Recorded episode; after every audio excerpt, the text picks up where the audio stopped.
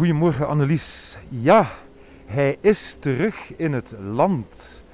De goedheilig man Sinterklaas. En uh, vandaar dat wij dus besloten hebben om eens een speciale podcast te maken, namelijk de Sinterklaas podcast. En waar kunnen we dan beter beginnen dan in Gent natuurlijk, aan de ingang, de oude ingang moet ik zeggen, want de huidige ingang bevindt zich aan de zijkant, maar aan de oude ingang van de Sint-Niklaaskerk. En dan boven die ingang zien we hem staan, Sint-Niklaas. Annelies, wat weet jij van Sint-Niklaas? Wel, Sint-Nicolaas was eigenlijk een, een erg populaire heilige. Volgens de overlevering heeft hij geleefd in de 4e eeuw in Turkije. En um, was vanaf jonge leeftijd van de kleine Nicolaas duidelijk dat hij in staat was van grote dingen. Het kindje was nog maar juist geboren en stond al recht in zijn badje met zijn handen naar de hemel. Sint Nicolaas was een zeer populaire heilige van de 6e eeuw en die heeft van allerlei wonderen verricht. En een van die wonderen die zien we in het oude uh, portaal. Ik zie, uh, ik zie Sint-Nicolaas uh, een beetje voorovergebogen, een zegenend gebaar maken. En aan zijn voeten staat er een kuip en in die kuip bevinden zich... Drie kleine jongetjes. En die zouden vermoord geweest zijn door een vermalendijde slager. Bewaard zijn in een vat met pekel. En Sint-Nicolaas zou die onschuldige kindertjes weer tot leven gewekt hebben. En daarmee werd Sint-Nicolaas onder andere de patroon van het jonge kind. Ik hoor u zeggen onder andere, uh, was hij dan ook nog patroonheilige van andere uh, ja, mensen, beroepstakken, zeg maar? Ja, hij was de patroon van de schippers, van de graanhandelaars, van de merceniers, de handelaars in luxegoederen. En vandaar dat die kerk er in Gent staat. Want dit is een kerk die gesponsord is met de fondsen van de handelaars en neringdoenders. Men heeft naast het Belfort en de uh, toenmalige Sint-Janskerk een kerk voor die groep, die zeer belangrijke groep binnen de stad Gent gebouwd. Dus uh, de drie torens zoals we ze kennen. En de eerste, als we dan van aan de leien kijken, is de Sint-Niklaaskerk. En dan de tweede het Belfort en de derde de kathedraal. Is daar, is daar zeker symboliek achter? De economische macht, de stedelijke macht en de kerkelijke macht. Dat is toch prachtig om zoiets uh, symbolisch in onze stad nog uh, te hebben. Ja, terug naar uh, Sint-Niklaas. ik hoor u daar vertellen in Turkije, maar natuurlijk ten tijde van Sint-Niklaas was, was het nog Turkije niet. hij is een Romein. Hij was een Romeins bisschop. En dat zie je nog altijd aan zijn staf en mijter, zijn soutane of um, tabbaard noemen we het voor de Sint en zijn rode koormantel. Dus in alles um, zien we dat, dat Sint-Nicolaas of Sinterklaas een heel duidelijke kerkelijke achtergrond heeft. Ja, het is en het blijft een uh, zeer imposant figuur hè, als je daar als kind bij moet. Daar word je toch gewoon al een beetje rustig van een beetje rustig of misschien zelfs een beetje geïntimideerd. Want de Sint beloont natuurlijk niet enkel de goede kinderen, maar bestraft ook de kindjes die, uh, die stout zijn geweest.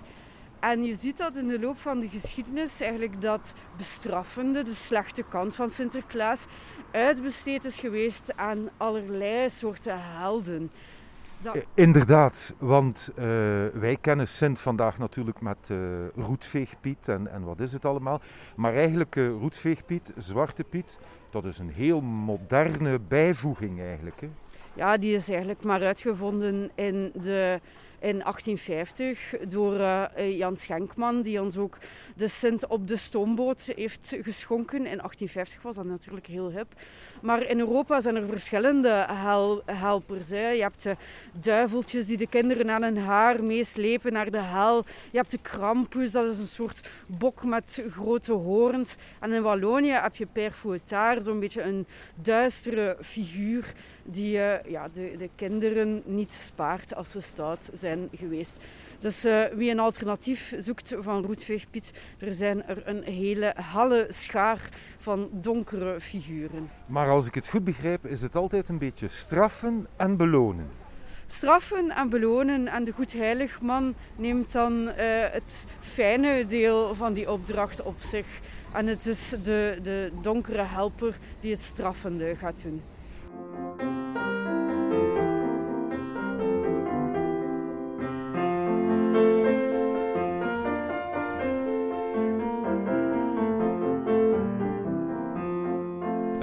Alice, wanneer bestaat eigenlijk het Sinterklaasfeest zoals uh, wij het nu kennen? De goed heilig man die snoep en lekkers en wat is het allemaal brengt? Sinterklaas, het Sinterklaasfeest is eigenlijk een hele sterke traditie. En ik hoor je de goed heilig man zeggen. Eigenlijk is dat een zeer interessant woord. Want Sinterklaas heeft in zijn lange carrière van de 6e eeuw tot nu verschillende jobs uitgeoefend. Sinterklaas was op een bepaald moment huwelijksmakelaar. En de goed heilig man is eigenlijk een soort verbastering van goed huwelijk man. Dus was je in het verleden tussen de 20 en 25, dus huwbare leeftijd, dan kon je uh, je richten tot Sinterklaas om je een huwelijkspartner te geven. En de Sint bracht dan aan de jongens een soort meisjesfiguur en aan de meisjes een soort jongensfiguur. De Sint was zeer hetero uiteraard. Um, en het gebruik om die speculaasmannetjes te geven, dat stamt eigenlijk van die traditie. Er zijn niet alleen verhalen met de drie jongetjes in het pekelvat, er is ook een verhaal met drie meisjes. De Sint redt dan drie jonge meisjes van de prostitutie. Er is een gezin met drie dochters. En drie dochters, dat kost natuurlijk handenvol geld, want die moeten alle drie een huwelijksschat hebben. De Sint uh, gaat dan s'nachts geldbuideltjes gaan geven aan dat gezin, terwijl die meisjes slapen. En um, ook het feit dat sommige kinderen van die chocolademunten krijgen, die, die stamt van die legende. Ook het feit dat we mandarijntjes geven uh, met wat... Um, uh, wat, met wat fantasie zijn mandarijntjes gouden bollen of gouden munten. Dus deze prachtige traditie die we nu nog altijd kennen, gaat terug eigenlijk naar een huwelijksarrangeur. Een huwelijksarrangeur, dat hadden we eigenlijk niet gedacht uh, van onze oude grijsaard op, op zijn paard. Hè? Zo veelzijdig man dus. Een heel veelzijdig man. Uh, Annelies, ik wil het met u natuurlijk uh, hebben over lekkers. Dat is uw specialiteit. Maar ik stel voor dat we daarvoor ergens een keer naartoe gaan. Ik denk dat je een suggestie hebt. We moeten even naar de groentemarkt. De groentemarkt, daar gaan we.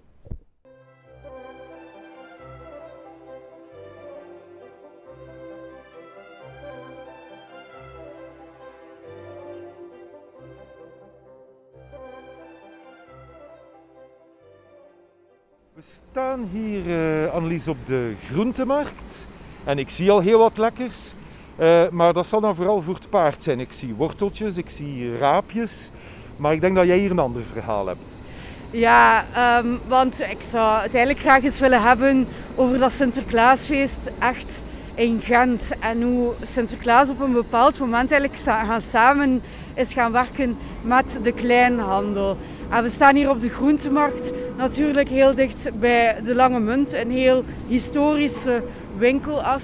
En we staan ook heel dicht bij het Veerleplein. En op het einde van de 19e eeuw was er op het Veerleplein een Klaasmarkt.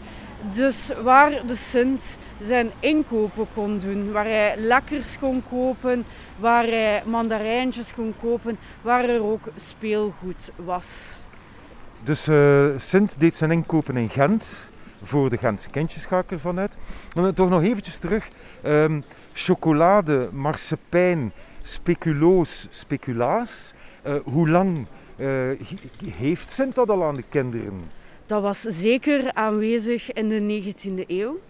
Ik heb mijn uh, informatie trouwens uit een, een thesis um, die de Goedheiligman in Gent heeft onderzocht zocht van Hans Snoek.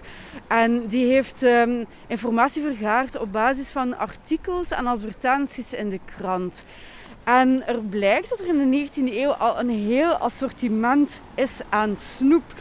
suikerstokken, schieters, chocoladepijpen, brokkelingen, krentenbroodjes, speculaaspoppen, suikerkastelen en peperkoekenpaarden. Maar je ziet wel een soort ja, onderscheid tussen rijke schoentjes en arme kloefkens. In de, in de 19e eeuw was bijvoorbeeld marsepein een vrij dure lekkernij die de Sint niet in alle schoentjes kon stoppen. En dat verschil tussen kindertjes eerder uit een gezin van textielarbeiders en kindertjes uit eerder burgergezinnen was wel zeer schrijnend. Op een kinderfeest hoort iedereen gelukkig te zijn. En uh, wanneer, wanneer de Sint een huisje passeert, is het, is, doet dat natuurlijk voor de ouders en de kinderen zelf uh, heel veel zeer. Waren er op een bepaald moment uh, organisaties die de Sint te hulp geschoten zijn om ook voor die arme kinderkens dan een schoon Sinterklaasfeest te hebben? Verschillende eigenlijk, want uh, van, uh, vanaf 1884 komt de Sint in de vooruit. En dat, ja, ik zie je wenkbrauwen fronsen wel. Dat is eigenlijk vrij raar, hè, want de Vooruit als socialistische organisatie. Ik ging uh, net zeggen, uh, Sinterklaas is een sos. Op een gegeven moment, vanaf de jaren twintig, wordt hij zelfs Klaas Socialist genoemd. Maar um, de, uh, de vooruit gaat de heidense roots van de Sint meer in de verf zetten. En daar weet jij dan meer over. Wel, het is namelijk zo inderdaad, Annelies. Uh, Sint zou heidense roots hebben. Het figuur van de Sint, als je dat gaat gaan uh, analyseren op kledij en toebehoren en uitzicht, dan uh, beweert men dat eigenlijk de katholieke kerk dat figuur zou gerecupereerd hebben van de alvader Odin.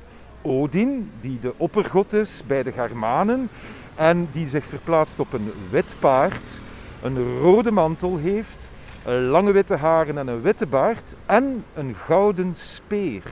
En Odin is de brenger van heel wat vreugde, want hij brengt onder andere het licht terug in de samenleving.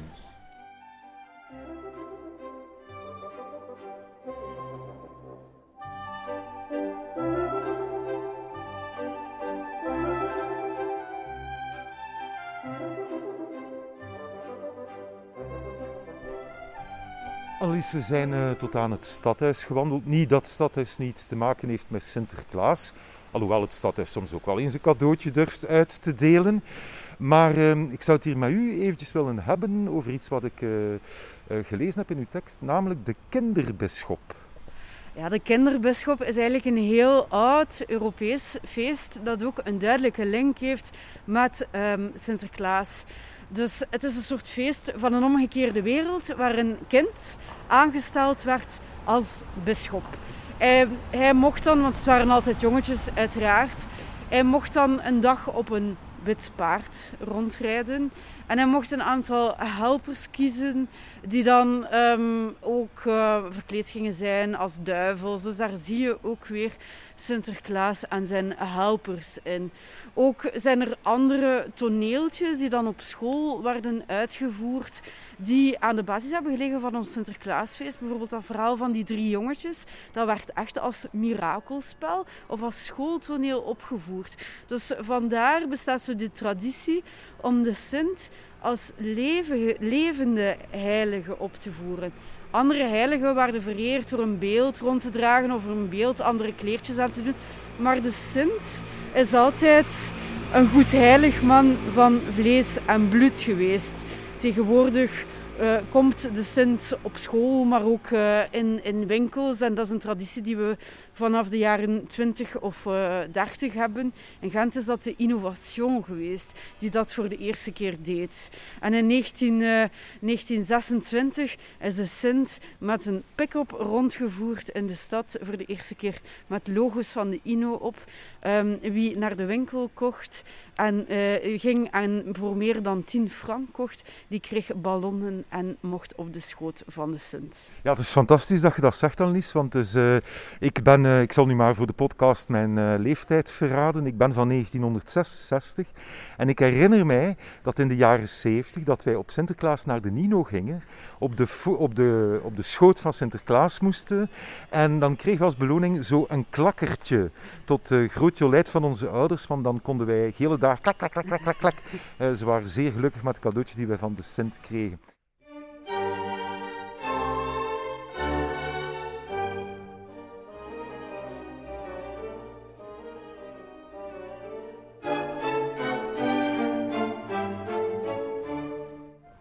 We zijn naar de prachtig versierde stadshal uh, gewandeld.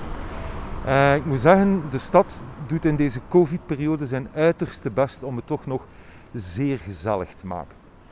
Maar uh, we staan hier eigenlijk om een gevoelig item aan te snijden als het Sinterklaas betreft.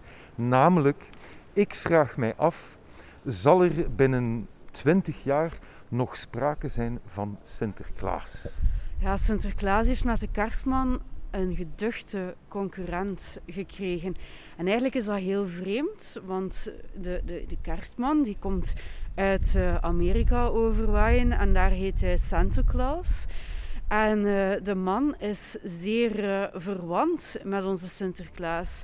Hij heeft um, kenmerken van de Sint, maar hij heeft ook kenmerken met um, de helpers van de Sint. In Duitsland wordt de Sint geholpen door knecht Roeprecht. En dat is een oude man met een baard die ook met een, een zak gaat rondlopen. Een zak voor de stoute kindjes of een zak voor de cadeautjes. Te zien of dat je te maken hebt met zijn goede of slechte kant. Kunnen we ervan uitgaan dat uh, Roeprecht op een bepaald moment geëmigreerd is naar de Verenigde Staten en daar een beetje dezelfde job als zijn chef in Europa beginnen uitvoeren is? Klopt, ja, je geeft die Roeprecht een vinger en die pakt zijn hand. Hè. Ja, dat is zo met knechten. Hè.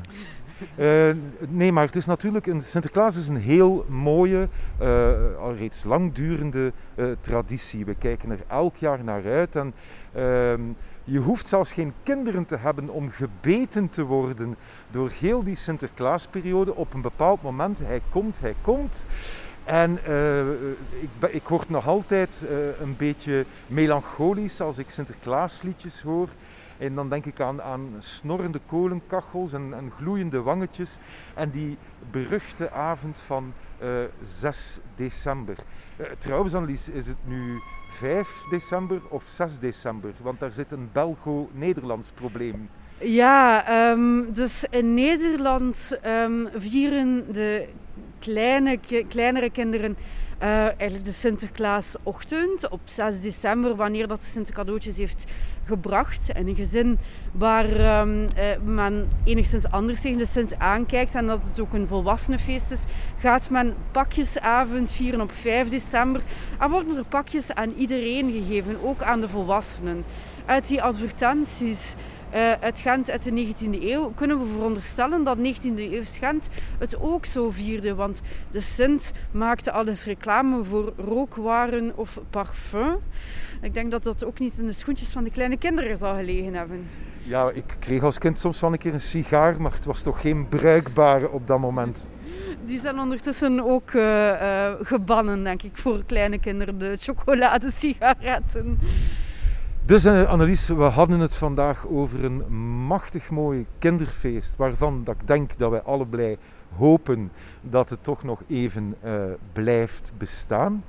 Ik zou graag uh, onze podcastaflevering van vandaag eindigen met twee vragen, persoonlijke vragen aan u gericht.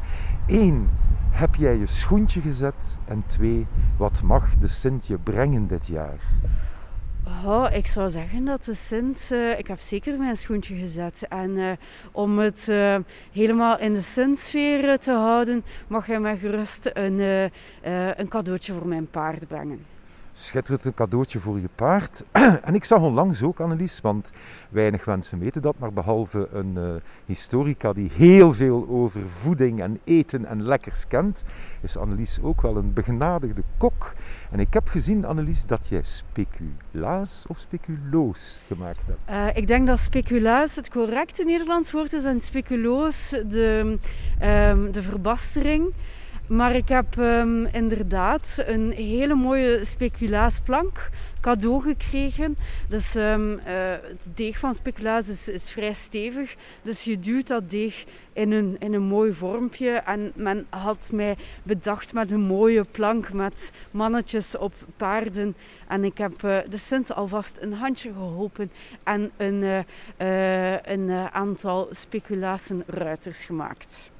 Rest mij alleen natuurlijk om te zeggen dat ik ook mijn schoentje gezet heb en dat Sint mij altijd wel wat van die lekkere, zelfgebakken speculoos mag brengen.